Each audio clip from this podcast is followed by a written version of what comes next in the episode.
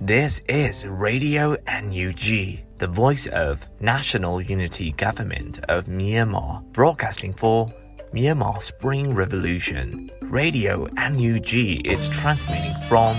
shortwave 16 meter 17.79 MHz at 8:30 a.m. and 25 meter 11.94 MHz at 8:30 p.m. Myanmar Standard Time. မင်္ဂလာပါခင်ဗျာ။ အမျိုးသားညီညွတ်ရေးအစိုးရရဲ့အတန်လွင့်ဌာန Radio NUG ကို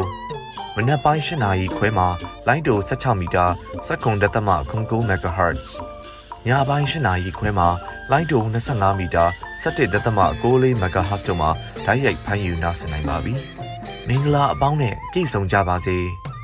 အခုချိန်ကစပြီး Radio NUG အစီအစဉ်တွေကိုဓာတ်ရိုက်အတန်လွှင့်ပေးနေပါပြီ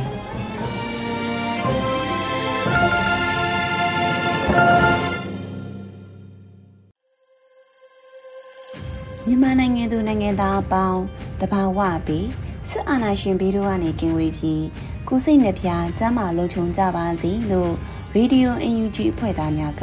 ဆုတောင်းမေတ္တာပို့သလိုက်ရပါတယ်ရှင်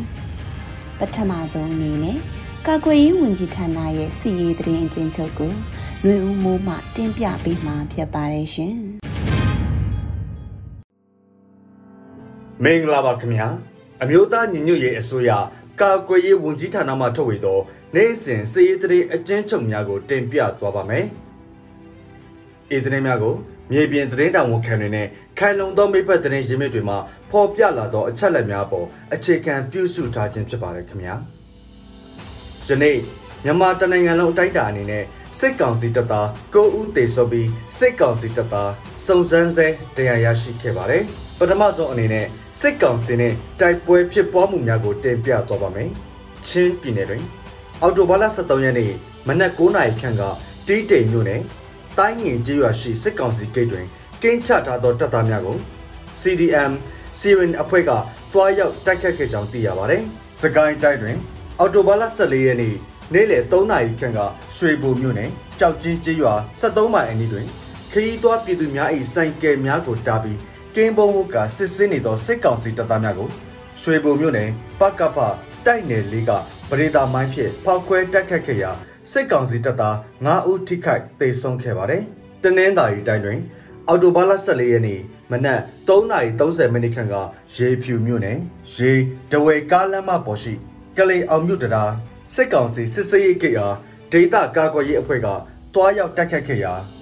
စစ်ကောင်စီတပ်သား၄ဦးသေဆုံးပြီး ထိခိုက်ဒဏ်ရာရသူများကို14ရက်နေ့နနက်ပိုင်းတွင်စေယုံတည်ယူသွားပြီးမြစ်ကတ်တလျှောက်စစ်ကောင်စီများတောနှင်းရှာဖွေမှုများပြုလုပ်နေကြောင်းသိရပါတယ်။ဆက်လက်ပြီးစစ်ကောင်စီကျွလွန်သောရာဇဝတ်မှုများကိုတင်ပြသွားပါမယ်။ကရင်နီကရားပြည်နယ်တွင်အော်တိုဘာလ14ရက်နေ့နနက်ပိုင်းကလွိုင်ကော်မြို့နယ်လွိုင်ကော်မြို့နောင်ရရက်ကွက်ရှိစားတောက်ဆိုင်တွင်စားတောက်နေသည့်အမျိုးသား3ဦး၏ဦးကောင်အားအဖို့မဲများပြအောက်ကစစ်ကောင်စီတပ်မှ ဝင်ရောက်ဖမ်းဆီးခေါ်ဆောင်သွားကြောင်းသိရပါတယ်။မကွေးတိုင်းတွင်အော်တိုဘာလ17ရက်နေ့နနက်ပိုင်းကပေါ့မြို့နယ်တောင်ပိုင်းရောချောင်း area အတွင်းရှိတီးချောက်ရွာအားအကြမ်းဖက်မီးရှို့ခဲ့သောစစ်ကြောင်းကလေလန်းရွာအားဝင်ရောက်ကအကြမ်းဖက်မီးရှို့နေခဲ့ပြီးပစ္စည်းများအားအကြမ်းဖက်လူယူနေခဲ့ပါတယ်။ရန်ကုန်တိုင်းတွင်အော်တိုဘာလ17ရက်နေ့နေ့လယ်12:30မိနစ်ခန့်ကကမာရွတ်မြို့နယ်လှဲတန်းမီးပွိုင်တွင်လမ်းကူးနေသောလူငယ်တအုပ်ကိုစစ်ကောင်စီအဖွဲ့ဝင်များမှဖမ်းဆီး၍ အေအေ medical အစအုံဘက်မှဖျက်၍လှဲတန်းနှစ်ထပ်ဘန်ကာတဲသို့ခေါ်ဆောင်သွားကြောင်းသိရပါတယ်။အော်တိုဘာလ17ရက်နေ့နေ့လယ်2:40မိနစ်ခန့်ကစမ်းကြောင်းမြို့နယ်တကောင်စက်တာမျက်နှာချင်းဆိုင်မြေနီကုန်းမှတ်တိုင်များတွင်လူငယ်နှစ်ဦးကိုစစ်ကောင်စီအဖွဲ့ဝင်များမှတပ်နက်ထောက်၍ဖမ်းဆီးခဲ့ပါတယ်။တနင်္သာရီတိုင်းတွင်အော်တိုဘာလ14ရက်နေ့မနက်4:30မိနစ်ခန့်ကဒဝယ်မြို့နယ်ပခက်ရွာမှရမဆူရွာထိစစ်ကောင်စီတပ်သားများ ခြေလင်းစစ်ကြောင်းနှင့်ရင်တန်းဝင်ရောက်လာ၍လက်နက်ကြီးများရမ်းပစ်ခတ်သွားပါတယ်။တဝယ်မှမဲချောင်းရွာရှက်မိုင်ကိတို့စစ်ကောင်စီရင်တန်းကိုစီစတင်ဝင်ရောက်လာ၍ပြည်သူ၃ဦးကိုတစားကက်အနေဖြင့်ဖမ်းဆီးသွားခဲ့ပါတယ်။ထို့နောက်မြစ်တာမြို့ဘက်သို့ရင်တန်း9စီးခရီးထက်ဆက်လာရာပခက်ရွာအနီးမှာလက်နက်ကြီးလက်နက်ငယ်များရန်တမ်းပစ်ခတ်မှုများပြုလုပ်ခဲ့ပါတယ်ခင်ဗျာဟုတ်ကဲ့ပါအခုတင်ပြခဲ့တာကတော့အမျိုးသားညီညွတ်ရေးအစိုးရ ကာကွယ်ရေးဝန်ကြီးဌာနမှထုတ်ဝေသောနိုင်စဉ်စည်ရေးသတင်းအကျဉ်းချုပ်များပဲဖြစ်ပါတယ်။ကျွန်တော်ຫນွေဦးမိုးပါခင်ဗျာ။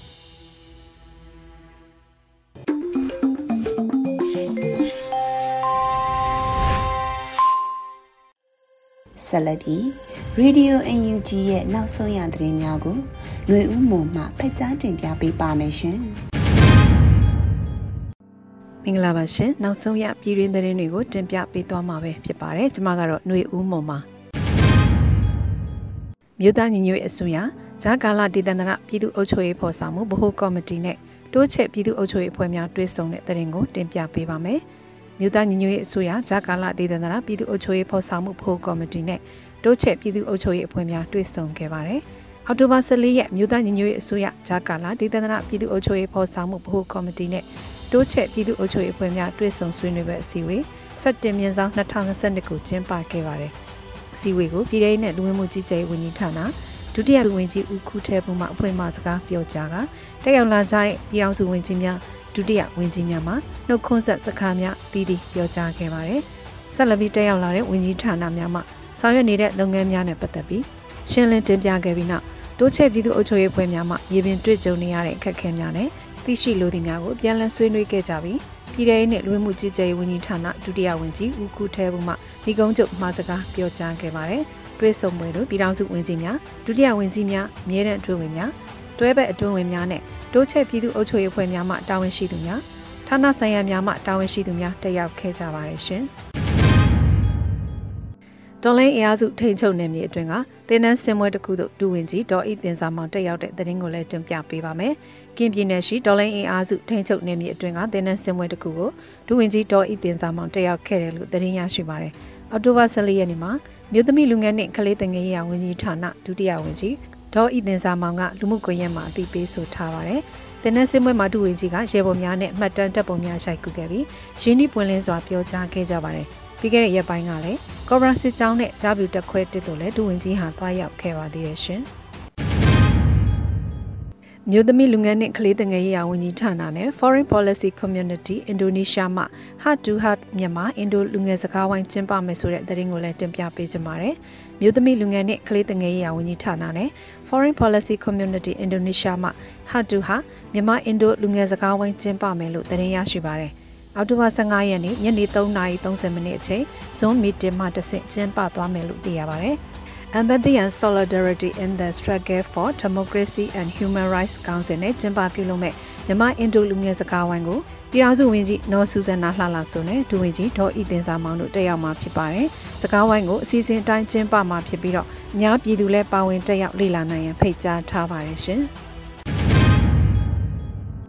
မုံရမြို့ဘိုးဘွားရိပ်သာအနီးမိုးကအုံထားတဲ့စစ်ကားကိုလက်ပြေပုံပြစ်သွင်းတိုက်ခိုက်တဲ့တဲ့ရင်ကိုဆက်လက်တင်ပြပေးပါမယ်။မုံရမြို့ဘိုးဘွားရိပ်သာအနီးမှာမိုးကအုံထားတဲ့စစ်ကားတွေကိုလက်ပြေပုံပြစ်သွင်းတိုက်ခိုက်ခဲ့တယ်လို့တဲ့ရင်ရရှိပါတယ်။အော်တိုဘာ14ရက်ညနေ9:40မိနစ်40အချိန်မှာမိုးကအုပ်ထားတဲ့စစ်ကားကိုလက်ပြေပုံပြစ်သွင်းခဲ့တယ်လို့ MRDA တက်ခွဲမုံရွာကဆိုပါတယ်။အော်တိုဘာ14ရက်ညနေ MRDA တက်ခွဲမုံရွာနဲ့ပျောက်ကြားအင်အားစုတို့နောက်ဖွဲ့ဦးဆောင်ကလက်ပစ်ပုံတစ်လုံးစစ်ကားအတွင်းသို့တဲတဲမတ်မတ်ပစ်ခတ်တိုက်ခိုက်ခဲ့ပါတယ်လို့ဆိုပါတယ်။စစ်ကောင်စီတပ်ဖွဲ့ဝင်3ဦးအထက်သေးဆုံးနိုင်ပြီးထိခိုက်မှုများရှိနိုင်တယ်လို့သတင်းရရှိပါတယ်ရှင်။ကျွန်းလာမြို့နယ်ငပြောတော့ကြီးရွာအနီးနွားကြောင်းနေတဲ့အရက်သား၃ဦးကိုစစ်တပ်ကဖမ်းဆီးကနှစ်ဦးကိုပြစ်ခတ်တပ်ဖြတ်တဲ့သတင်းကိုလည်းတင်ပြပေးပါမယ်။ စကိုင်းတိုင်းကျွန်းလာမြို့နယ်ငပြောတော့ချရွာနီးမှာနွားချောင်းနေတဲ့အရက်သား၃ဦးကိုစစ်တပ်ကဖမ်းဆီးပြီးတော့နှစ်ဦးကိုပြစ်ခတ်တပ်ဖြတ်ခဲ့ပါတယ်။အော်တိုဘာ12ရက်နေ့ကကျွန်းလာမြို့နယ်ငပြောတော့ချရွာနီးတောင်ရကင်းမှာနွားချောင်းနေတဲ့ဒေသခံ၃ဦးကိုပြည်သူ့ကာကွယ်တပ်ဖွဲ့ဝင်လို့ဆွဆွဲပြီးစစ်သားများနဲ့ပြူစောထိတွေကဖမ်းဆီးသွားခဲ့ပြီးအသက်14နှစ်အရွယ်ကလေးတဦးကိုပြန်လွှတ်ပေးခဲ့ပြီးတော့နှစ်ဦးကိုကြောက်အောင်ချရွာမှာလက်ပြန်ကျိုးတုပ်ပြီးတနက်နဲ့ပြစ်တက်ခဲ့တယ်လို့ AABB ကဆိုပါတယ်။ တပ်ဖြတ်ချင်းခံခဲ့ရတဲ့လူငယ်နှစ်ဦးနဲ့တဦးမှာငပြောတော့ချေရွာမှကိုကျော်ထက်ဖြစ်တယ်လို့သတင်းရရှိပါတယ်။ဆီယနာသိမ်းပြီးနောက်လူဒေါ်လင်းကာလာအတွင်းကြာဆုံးခဲ့ရသူစုစုပေါင်းမှာ2356ဦးရှိခဲ့ပြီဖြစ်ပါတယ်ရှင်။မြင်းမှုမျိုးနဲ့စာတင်ကြောင်းဤကင်းမဝင်နေတဲ့စစ်ကောင်စီတပ်များနဲ့မြန်မာစီးပွားရေးဘဏ်အဆောင်များကိုဒရုန်းနဲ့တိုက်ခိုက်တဲ့သတင်းကိုလည်းတင်ပြပေးပါမယ်။စကိုင်းတိုင်းမြင်းမှုမျိုးနဲ့စာတင်ကြောင်းဤကင်းမဝင်နေတဲ့စစ်ကောင်စီတပ်များနဲ့မြန်မာစီးပွားရေးဘဏ်အဆောင်များကိုဒရုန်းနဲ့တိုက်ခိုက်ခဲ့တယ်လို့သတင်းရရှိပါတယ်။ အော်တိုဘာ14ရက်နေ့နက်ပိုင်းမှာစစ်ကောင်စီတပ်များကိုတိုက်ခိုက်ခဲ့တာလို့0ပြောက်ကြားတပ်ဖွဲ့ငင်းချံကအတည်ပြုဆိုပါရယ်။အော်တိုဘာ14ရက်နေ့နက်ပိုင်းမှာစစ်ကောင်စီတပ်များကေမဝေရမြို့မှုမြို့စာတင်ကြောင်းအနီးမှာတစ်ချိန်မနက်10:55မှာမြို့မှုမြို့မြမစီးပွားရေးဘဏ်မှာစောင့်ကြပ်နေတဲ့စစ်ကောင်စီတပ်များအားတစ်ချိန် drone နဲ့တိုက်ခိုက်ခဲ့တယ်လို့ဆိုပါရယ်။ထိခိုက်ဒေဆုံးမှုများရှိနိုင်တော့လဲစုံစမ်းဆဲဖြစ်တယ်လို့သတင်းရရှိပါရယ်။ ယမန်နေ့ညနေကလည်းမြင်းမှုရဲစခန်းဝင်အတွင်းဝိုင်းဖွဲ့ရက်တောက်နေတဲ့ရဲများကို0ပျောက်ကြားတပ်ဖွဲ့မြင်းကြံနဲ့ True Fighter အဖွဲ့ကဘုံပစ်တိုက်ခိုက်ခဲ့ပါသေးတယ်ရှင်။မုံရွာအောင်စရတက်ကုန်းနာကရဲတရင်28မှရဲတပ်သား2ဦးအလင်းဝင်ခိုလုံရငွေကျပ်350ချီးမြင့်ပေးအပ်တဲ့သတင်းကိုဆက်လက်တင်ပြပေးပါမယ်။စကိုင်းတိုင်းမုံရွာအောင်စရတက်ကုန်းနာကရဲတရင်28မှရဲတပ်သား2ဦးအလင်းဝင်ခိုလုံလာရာ ငွေကျပ်350ချီးမြင့်ပေးအပ်ခဲ့တယ်လို့သတင်းရရှိပါရယ်။ရဲတပ်သား2ဦးဟာပြည်သူ့ကာကွယ်ရေးတပ်ဖွဲ့ PDA နဲ့ချိတ်ဆက်ကစက်တဘာ28ရက်နေ့မှာအလင်းဝင်ခိုလုံလာတာဖြစ်ပါတယ်။ပြည်သူ့ကာကွယ်ရေးတပ်ဖွဲ့ PDA ကလက်နက်နဲ့အတူခိုဝင်လာတဲ့ရဲနှစ်ဦးကိုကျပ်ငွေ350တိတိပေးအပ်ချီးမြှင့်ခဲ့ပါတယ်။လက်ရှိမှာပြည်သူ့ကာကွယ်ရေးတပ်ဖွဲ့များမှလက်နက်နဲ့အတူခိုလုံအလင်းဝင်လာတဲ့စစ်ကောင်စီတပ်နဲ့ရဲများကိုစူးစီးများပေးအပ်ပြီးလက်ခံပေးလျက်ရှိပါတယ်ရှင်။ ချင်းမြင့်အထက်ပိုင်းတောင်ပြူပန်းဆက်မှဆုံဆင်းလာတဲ့စစ်သည်မော်နစီကိုကာကွယ်ရေးတပ်များစူပေါင်းပစ်ခတ်တိုက်ခိုက်တဲ့တဲ့ရင်ကိုလည်းတင်ပြပေးပါမယ်။ချင်းမြင့်အထက်ပိုင်းတောင်ပြူပန်းဆက်မှဆုံဆင်းလာတဲ့စစ်သည်မော်နစီကိုကာကွယ်ရေးတပ်များစူပေါင်းပစ်ခတ်တိုက်ခိုက်ခဲ့ပါတယ်။အော်တိုဘာ14ရက်မွန်လွဲပိုင်းတနာရီ30မိနစ်အချိန်မှာစစ်သည်မောနှစီကိုစုပေါင်းပစ်ခတ်တိုက်ခိုက်ခဲ့တယ်လို့တိုင်းငယ်ပြောက်ကြားတပ်ဖွဲ့ကအသိပေးဆိုပါတယ်။အော်တိုဘာ14ရက်မွန်လွဲပိုင်းတနာရီမိနစ်30အချိန်မှာချင်းတွင်းမြစ်ထပ်ပိုင်းတောင်ပြူပန်းစမဆုံဆင်းလာတဲ့ အာနာသိန်းစစ်ကောင်စီရဲ့စစ်သည်မောနှစီအားရန်ကြီးအောင်တပ်ခွဲတပ်စုနှင့်တိုင်းငယ်ပြောက်ကြားတပ်ဖွဲ့နဲ့ဂျိုးငယ်ပြောက်ကြားတပ်ဖွဲ့တို့မှချင်းတွင်းမြစ်ကြောင်းတနေရာမှာပစ်ခတ်တိုက်ခိုက်ခဲ့တယ်လို့ဆိုပါတယ်။ပစ်ခတ်မှုမှာပြောက်ကြားရဲဘော်များအထိကိမရှိပြန်လည်ဆုတ်ခွာနိုင်ခဲ့ပါတယ်ရှင်။ခုတင်ပြပေးခဲ့တဲ့သတင်းတွေကိုတော့ Radio NUG သတင်းတောက်မြင်းမြင်းကပေးပို့ထားတာပဲဖြစ်ပါတယ်ရှင်။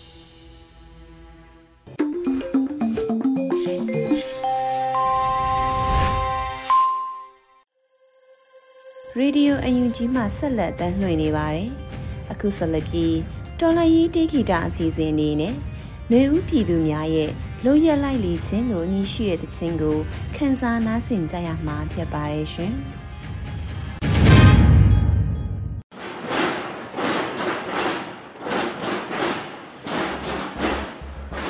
ဒီမိုကရေစီတိုက်ပွဲမှာကြောက်ဆုံးငယ်လီတော့လူရဲကောင်းတွေတွန်းတ ချင်တဲ့ပုတ်ဆိုတာလေးစားစွာနဲ့ကွန်ပျူလိုက်ပါတယ်မင်းတို့တွေလည်းငြိမ်းချမ်းစွာနဲ့နာယူပါ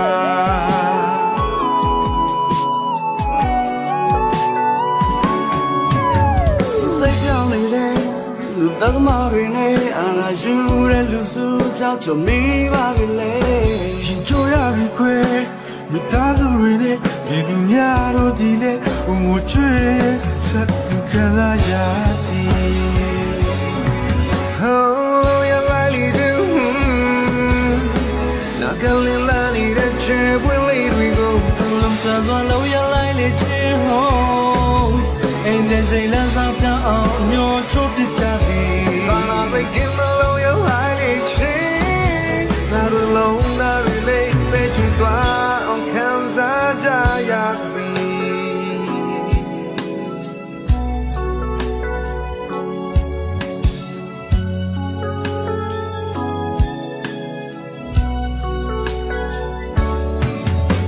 တို့မျိုးစနာကကိုယ်ပိုင်လွတ်လပ်စွာနဲ့ခွင့်ရှိများကိုလည်းပြန်လဲရရှိရန်တွန်းရှင်တို့လက်စဆုံးမြတ်ပြောင်းနိုင်ဖို့ငါတို့ရဲဝန်းစွာနဲ့အောင်မြင်မဲ့တဲ့နေ့အထိတွန်းလာမယ်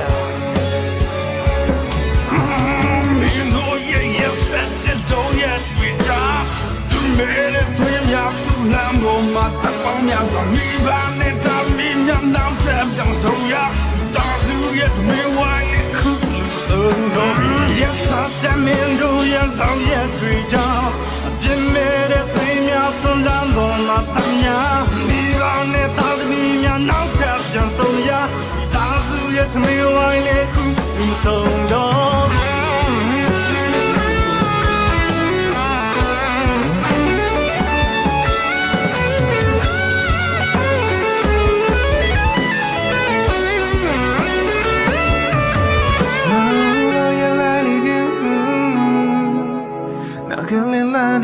ကျေဝင်လေးတွေကိုလူစံပါလို့ရလိုက်လူချင်အိမ်မြန်ချင်းလက်စားပြအောင်ညှို့ချပြချသည်စာနာစိတ်ကင်းမဲ့လို့ရလိုက်လေချင်ငါတို့နှလုံးသားတွေလည်းပဲချစ်သွားအောင်ခံစားလို့ရလိုက်လေချင်နာကလေးလေးတွေကျေဝင်လေးတွေကိုလူစံပါလို့ရလိုက်လူချင်အိမ်မြန်ချင်းလက်စားပြ င်းအောင်အယုံချိုးပြကြပြီသာသာစိတ်ကင်းမဲ့လို့ရလိုက်လေချင်းငါတို့လုံးသားတွေလည်းပဲချွေသွားခံစားကြရပြီ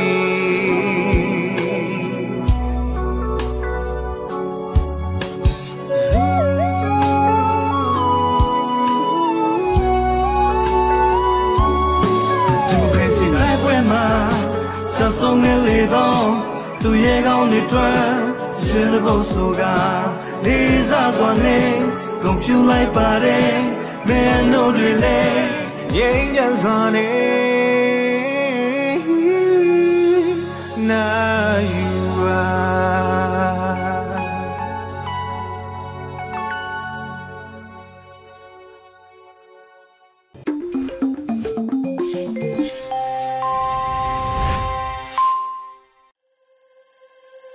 ရေဒီယိုအန်ယူဂျီမှဆက်လက်တမ်းလှည့်နေပါတယ်။အခုတစ်ဖန်ပြည်သူ့ခုခံတော်လှန်စစ်တရင်များကိုမင်းနိုင်တွေဦးမှတင်ဆက်ပေးမှာဖြစ်ပါတယ်ရှင်ပထမဦးစွာဒဝဲကလေးအောင်တရားစစ်စေးကတိုက်ခိုက်ခံရတဲ့တဲ့ရင်တင်ဆက်ပါမယ်။တနင်္လာရီတိုင်းဒဝဲခရိုင်ကလေးအောင်မြို့တရားရှိစစ်ကောင်စီစစ်စေးကအောက်တိုဘာလ14ရက်ယနေ့နေ့နဲ့တွင်ပြစ်ခတ်တိုက်ခိုက်ခံရပြီး စစ်သား9ဦးခန့်သေဆုံးကြောင်းဒေသသတင်းရင်းများထံမှသိရှိရပါတယ်။ကလေးအောင်တရားဟာရဲတဝဲကားလမ်းပေါ်တွင်တည်ရှိပြီးယနေ့နေ့နဲ့၄နာရီခန့်၌အမည်စစ်စစ်ဆဲအဖွဲ့ကဝင်ရောက်တိုက်ခိုက်ခဲ့ပြီးစစ်သား၅ဦးချင်းသေဆုံးခဲ့ခြင်းမှာတိုက်ခိုက်ခံရပြီးနောက်စစ်သားအလောင်းများကိုလူနာရင်ကားများဖြင့်လာရောက်တင်ဆောင်သွားကြောင်းနှင့်ယနေ့နေ့နဲ့တွင်တရားပေါ်ဖြတ်တန်းသွားလာနေသူများကိုအထူးစစ်ဆေးနေကြောင်းဒေသသတင်းရင်းမြစ်များထံမှသိရှိရပါသည်။ဆက်လက်ပြီး တောင်တကုံမှာစစ်ကားဘုံဝက်ခံရပြီးစစ်သားတချို့ထိခိုက်တဲ့သတင်းတင်ဆက်မှာပါ။ရန်ကုန်တိုင်းတကုံမြို့သစ်တောင်ပိုင်းရှိရောက်ကိုဗန်းချန်ရှိတွင်ယနေ့နေ့နဲ့ပိုင်းစစ်ကားဘုံခွက်ခင်ရကြောင်းဒေသခံများထံမှသိရှိရပါတယ်။ယနေ့နေ့နဲ့9:20မိနစ်အချိန်တောင်တကုံဗန်းချန်ရှိသို့အကြမ်းဖက်စစ်ကောင်စီ၏လုံခြုံရေးကင်းလက်ကားအသေးရောက်ရှိလာစဉ်ဘုံခွဲခံရခြင်းဖြစ်ကြောင်းဘုံခွဲမှုကြောင့်ကားပေါ်ရှိစစ်ကောင်စီတပ်သားအချို့ ထိခိုက်မှုရှိကြောင်းအမိနာရှိပြည်သူများထံမှသိရပါတယ်။မုံလာချောင်းလမ်းပိုင်းတွင်စစ်ကား၃စီးမိုင်းဆွဲတိုက်ခိုက်ခံရပြီးထိခိုက်ဒဏ်ရာရရှိသူများပြတဲ့သတင်းတင်ဆက်မှာပါ။စကိုင်းတိုင်းမုံလာချောင်းလမ်းပိုင်းတွင်အကြမ်းဖက်စစ်ကား၃စီးမိုင်းဆွဲတိုက်ခိုက်ခံရပြီးအများအပြားထိခိုက်ဒဏ်ရာရရှိကြောင်း BHC အဖွဲ့မှတာဝန်ရှိသူတအုပ်ကပြောဆိုပါတယ်။မုံလာချောင်းလမ်းပိုင်းရှိမုံလာမှစစ်သားအင်အား80ဖြင့်ထွက်ခွာလာတဲ့စစ်ကား၃စီးကို ပရိဟတ်အာမီ BHC အဖွဲ့ကအောက်တိုဘာလ23ရက်နနက်9နာရီခန့်တွင်ဗရေဒါမိုင်းလေးလုံးဖြင့်ဖောက်ခွဲတိုက်ခတ်ခဲ့ပြီးဒုတိယမြောက်ကားကိုထီမန်ကလမ်းဘေးတွင်ထိုးရသွားပြီးစစ်သားများထိခိုက်ဒဏ်ရာရရှိမှုရှိတယ်လို့မြင့်မြင်တွေကဆိုပါတယ်။နောက်ဆုံးတင်ဆက်မှာကတော့မြင့်မှုမျိုးဘော်ကစစ်တပ်ကင်းပုံများဒရုန်းဖြင့်ဘုံတိချတိုက်ခိုက်ခံရတဲ့တဲ့တင်မှာ စကိုင်းတိုင်းမြင့်မှုမျိုးပေါ်ရှိအကြမ်းဖက်စစ်တပ်ကင်းပုံဖြင့်ကင်းဆောင်နေတဲ့နေရာများဒရုန်းဖြင့်ဘုံတိချတိုက်ခိုက်ခံရပြီး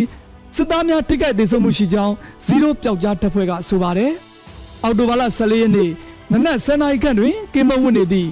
မြင့်မှုမျိုးစာတင်ကျောင်းနှင့်နနက်10:00နာရီ15မိနစ်တွင်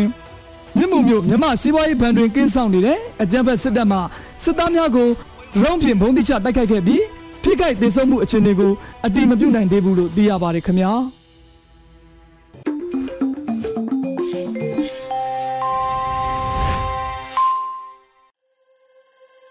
ရေဒီယိုအန်ယူဂျီသောတိုက်ရှင်များရှင် PVTV ရဲ့နေ့စဉ်သတင်းများကိုမျိုးတော်ရာမှဖတ်ကြားတင်ပြပေးထားပါတယ်ရှင်အခုချိန်ကစပြီး PPTV သတင်းတွေကိုတင်ဆက်ပေးတော့မှာပါကျွန်မမျိုးတော်တာပါပထမဆုံးတင်ဆက်ပေးမှာကတော့နိုင်ငံရေးအကျဉ်းသားတဦးစေကူတာခွင့်မရလို့လွိုက်ကောအကျဉ်းထောင်မှာကြာဆုံးခဲ့တယ်ဆိုတဲ့သတင်းမှာ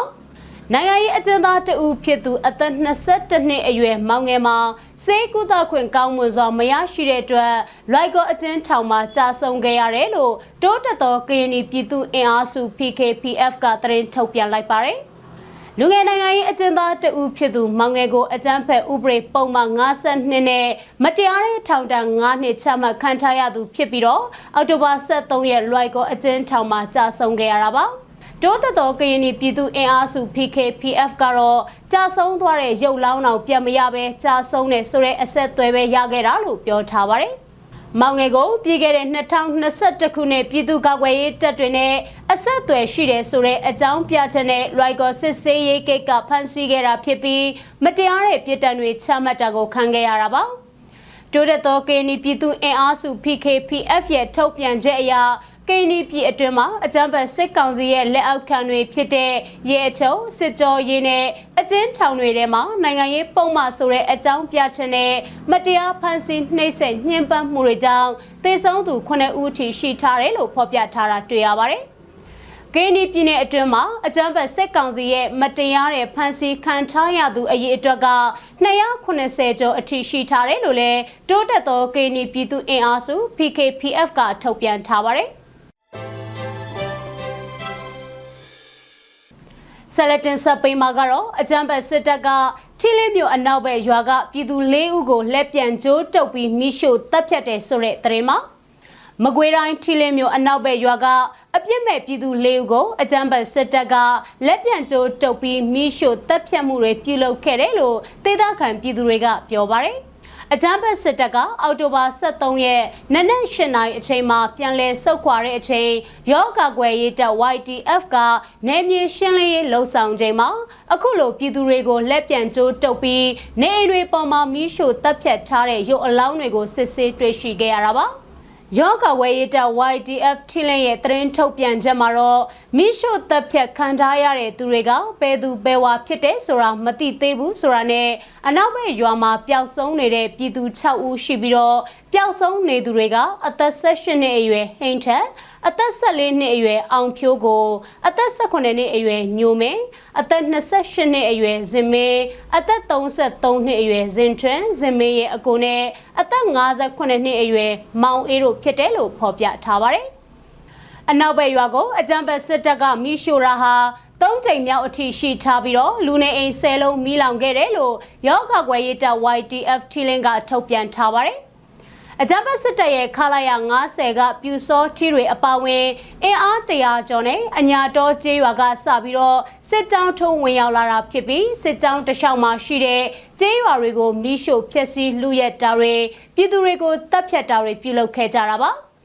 ယောဂကွယ်ရေးတပ် YTF ရဲ့တောင်ပိုင်းတပ်မဟာမှုဘိုရောနိုင်ကအကြမ်းဖက်စစ်တပ်နဲ့ပြူအင်အား100ကျော်ပါတဲ့စစ်ကြောင်းက ထီလင်းမြို့နယ်တဝိုက်ကျေးရွာတွေကိုအလစ်အငိုက်ဝင်စီတာတပြတိုက်တာလူရတာစစ်ပေးဆောင်ပြည်သူတွေကိုဖမ်းဆီးတပ်ဖြတ်တာတွေလုပ်နေတဲ့အတွက်မြို့နယ်အတွင်းကပြည်သူတွေအနေနဲ့ထီလင်းမြို့ကိုကူတန်းသွားလာတာတွေမပြုလုပ်ကြဖို့မြစ်တာရက်ခံထားပါတယ်။ကျေးဇူးတင်ပါတယ်ရှင်။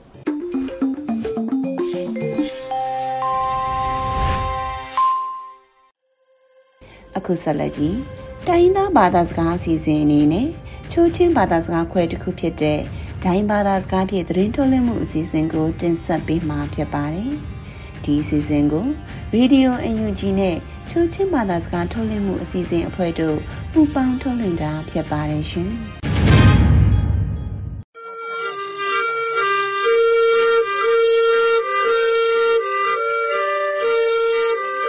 ဒိုင်ဝီဒီယိုထိုင်ထနာချုံငါတီနောပဘေနာညရယနာနီတူငွိုင်း ဟွေခါအမ်နှခလင်ဟာခွန်းစုမတုံဖုံယာကာထငေဆွန်းကေဒိုင်ဆလဟိုင်နောကနင်းယမ်ထေလောက်ခယာကာကီအခစကာ CTF ဒိုင်နော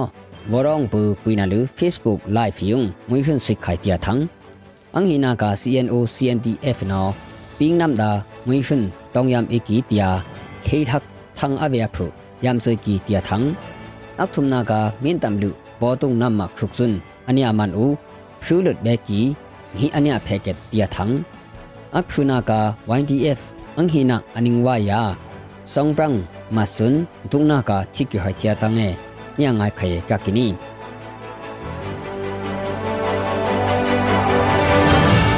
CTF dai no warong bu puina lu hui khang USA sun halik thumya halim hang lagung Facebook live hlu ngui hun suinak bi khai tia thang ya ka ka kini အောက်တိုဘာ14 15 16ရက်တာစီတီအဖဒါယာဖူအလှကိုကီယာမိတ်ခိုင်နောက်ဝိုင်စေဝခိုင်နောက်ဝိုင်အေအိုခိုင်နောက်ဝိုင်အလှကိုပြငွေအလှကန်ခတ်ခိုင်ရကတိကနိယာသာငွေဝနိယာကကငါမြန်မာငွေတင်ပေါင်းနှထောင်လှကီယာကကိအစဘဝစေပက်အုံပက်ဆန်ဝက်ကီနူပဘေနာဟေနနနိယာကူညီဝိုင်ဝါကရင်ယာဟွေကီယာကကိနာဘနီအဆူအာငွေထေ ထောင်ဘွေယာတီဗစ်လိုင်းပီဘွေခိုင်ဟိုက်တီလူ CTF ဒါယာထငုံဟွာကာကီ CTF ဒါဟင်နောပလက်ဝါနေယာထွန်ငောလူမင်ဒတ်ဘတူကမ်ပလက်ဒါပီတုယောက်ပိကီယတီလူထငုံအနုကာကာကီခူခောအုပ်အောမယာဖုလခုံခွန်ဟေပိယာထွန်ငောလူတုဘီကီဆုနာဖုလီပေါခွိုင်လုံအန်တနာထုကီတီလူ CTF ဒိုင်နောယာကူအေဝယာယာဆုအေကီယာကာကီတုကပိုအေဖု စေဟိုင်ပွိလော်ကီရောဆုံယာဖရက်အော်ပီထူလော်ကီအဆုနာဖုနနီယာကူအေဝယာအဟိကဘာကနိဘီကေတီလူမပစာယာလိုင်ဆောင်ဟီယုံအနုကာကကီအဟိနာပွိုင်ဆွန်ပပေယာငွိုင်လမ်နိုင်ခုမိနစ်ထုံကိစင်ကာပူအာငွိုင်လမ်နိုင်ကိုယာအင်းတီယာငွိုင်လမ်နိုင်ခုမိနစ်ထုံကိပုန်တွန်အိခယာကကီနီ Chin National Organization CNO ya Chin National Defense Force CNDF no ping namung ngoi hun tong yam eki tia thei thak avya phu ani ni e no yam soi ke ya kaki yam soi na kung CNO tun ilo khulu phalam ya kali kapo abung ka ngpui kia tun ilo tu phalam ne umnak siya ki phalam ne umung namsa da ngui hun tong yam ku po wai CNDF da yam soi ya yam sep ki avyang pi angwa yung the ma lu du wai ยามเทอพุละมาหุนงอลอคืองุยชุนตองยามอเมกะลีตีติงละมึงหุนงอลอคือลืองุยชุนตองยามบีอเมกะนิงมิงซุมเอลือตองยับเกียเวเกียเตียทังยากะกะกีဖလမ်နေဥမ်နန်အဖုဖုံ CNU CNDF ဆုံအကီကနင်းမင်းဆုံအေလူငွေရှင်တောင်ရပ်ကီအဝေအထောနုံအဆုနောတာလူအိခိုင်တီလူစန်အနိယကာကကီနီမင်းတမ်လူပေါ်တုံနမ ခရုကဇွန်ဆက်ဆာယာပူလိကနောမိခါဟလင်းဟီယုံအနီအမန်တီလူ HKL Facebook အကောကုံလုပ်ခုမ်တန်လူအနီတိုင်မွာကကီနီအဟိနာခါခရုကဇွန်ကိုဗစ်ဆေးတွင်ဆုတ်ခိုင်အနီဆဲလာမာအနီအမန်တီလူညကာကကီမလာမာဖူရလှတ်ဘဲအိုလူငီဆွန်ဟိခွန်လီတယီနာအနီအဖေကက်အိုတီလူညကာကကီဆွန်လူပီတမင်ဒတ်ဖုစနတာသမ်ခါနာအမ်ပိုခိုဟမ် Your Defense Force YDF အန်ဟိနာအနင်းဝိုင်ဖြိုဝေဆိုယာဇောင်ဘရန်ပြီဖြိုလင်းဆွန်ဟွိခါအမ်နပ်ကိုကန်ကိုចောင်းခုံတာနမ်ပီယန်တုနာကာချိကဟိုင်တီလူ YTF နော်မွိခါအမ်နှမ်ဖရန်သံအနိပရာကကီရခိုင်တာတော့ EE အလဖာတုံစစ်တီတာနပီပုတ်စနာကထံပရာကီယာကကီဆောင်ပရန်ဖြိုဝေဆူဆွန်း YTF တွန်အီလော်ကီအနိလီဆောင်အာနာဥအခန်းတုတ်ပီပန်လိုင်းနာကီတီလူ EE နော်သငုံအ နိယုမွာကကီနီဇုံငါကီနိုပဘေနာညညာယေနာနီဘဘေတုကီခွန်းစုံလမ်နှုတူတီယာနင်းခုမ်ဘေတုကမ်အိုကတော့